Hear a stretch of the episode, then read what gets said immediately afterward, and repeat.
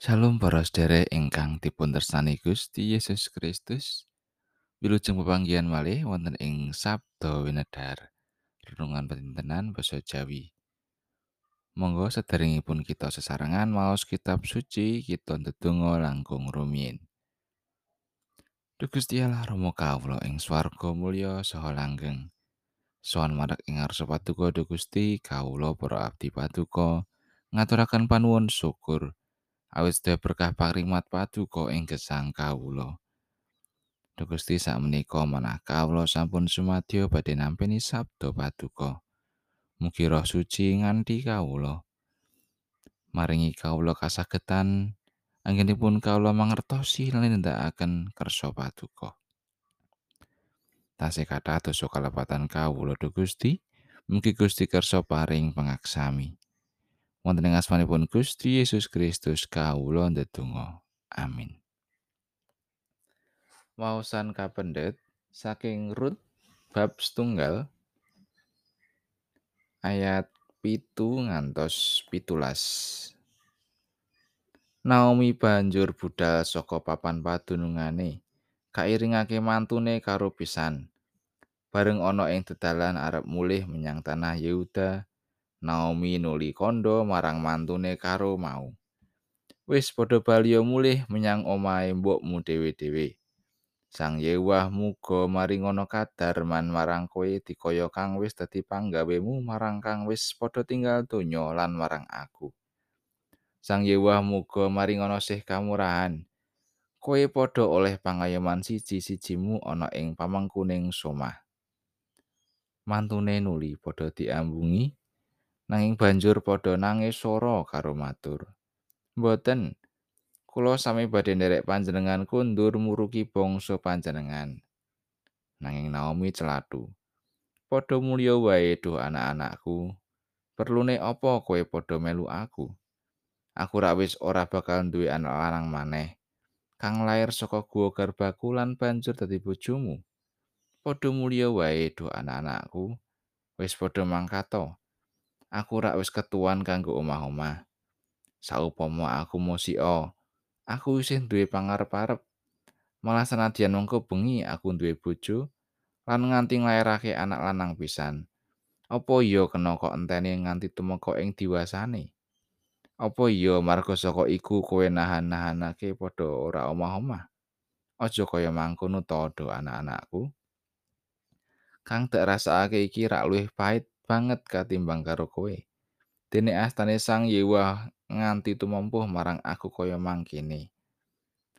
Mantune tumuli padha nangis maneh kelawan swara-swara. Orpa banjur ngambung mara tuane lan pamitan. Nanging Rut kang isih gondeli dheweke. Naomi tumuli celatu. Lah kuwi pripeanmu wis bali nguli bangsane lan para alae. Mbok kowe ya bali melu prepeanmu nanging ature rut. Kula sampun panjenengan peksa nilar panjenengan lajeng mantuk. Mboten derek panjenengan. Awit dhateng pundi kemawon puruk panjenengan kula nggih badhe nderekaken sarta wonten ing pundi kemawon anggen panjenengan nyare kula nggih badhe nderek sipeng. Bangsa panjenengan inggih bangsa kula sarta Gusti Allah panjenengan inggih Gusti Allah kula. Wonten pundi kemawon anggen panjenengan sedo, kula nggih badhe nderek pecah wonten ing riku. Sarta wonten ing riku anggen kula kakubur. Pangeran Yewa mugi maring ana paukuman dhateng kula. Malah langkung saking menika, saupami kula ngantos pisah kalian panjenengan kejawi menawi pecah. Mangkatan pangandikanipun Gusti ayat saking ayat 16. Awit dhateng pundi kemawon puruk panjenengan kula inggih badhe nderekaken sarta wonten pundi kemawon anggen panjenengan nyare kula inggih badhe nderek sipeng. Wonten seratan ing bak truk ingkang endah suraosipun. Hidup ini tidak ada yang abadi. Setiap masalah pasti punya solusi. Setiap cobaan bisa dilewati dan setiap kecemasan bisa diatasi. Saking seratan menika ngetingalaken kados pundi pengakenipun manungsa. Bilih estunipun sedaya perkawis menika saged dipun lampahi lan saged dipun atasi menawi kita nggadahi pangajeng-ajeng lan keyakinan. Maos dinten menika paring piucal. Bilih gesanging manungsa menika salir gumantos wonten bingasisah, sarah sakit, gagal sukses lan sapiturutipun. Nalika kita nampi kabingan, kados-kados wekdal menika lampahipun rikat utawi cepet sanget. Nanging nalika ngalami kesedihan, wekdal menika karaos dangu anggenipun lumampah.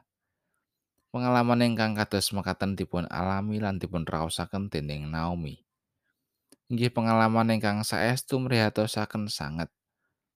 Wekdal ing Israel wonten ing mangsa pailan, Naomi sabrayat kisah wonten ing tanah Moab.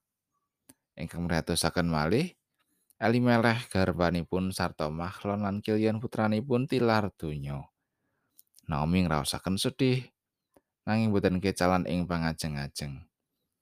Naomi gumregah mbangun gesang salajengipun kalian mantunipun kinasih ingkang asma Ruth. Ruth tansah tresna asih lan setya dhateng para sepuhipun. Dhateng pundi kemawon Naomi kesah Ruth tresna lan setya nderekaken.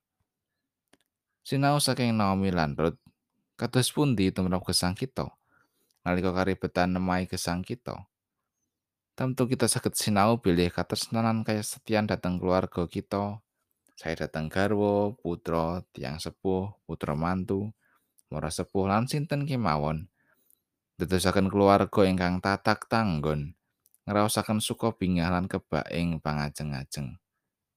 Amin.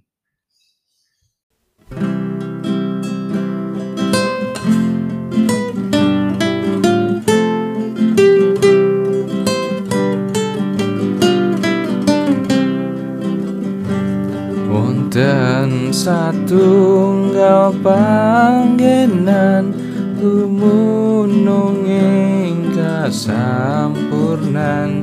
Riku gesang tatan keku wetayang ning pati lumpuh. Yeku damparing siramat nantrem kentias kula. Tiang kang ayo mamratobat rahayu slaminyo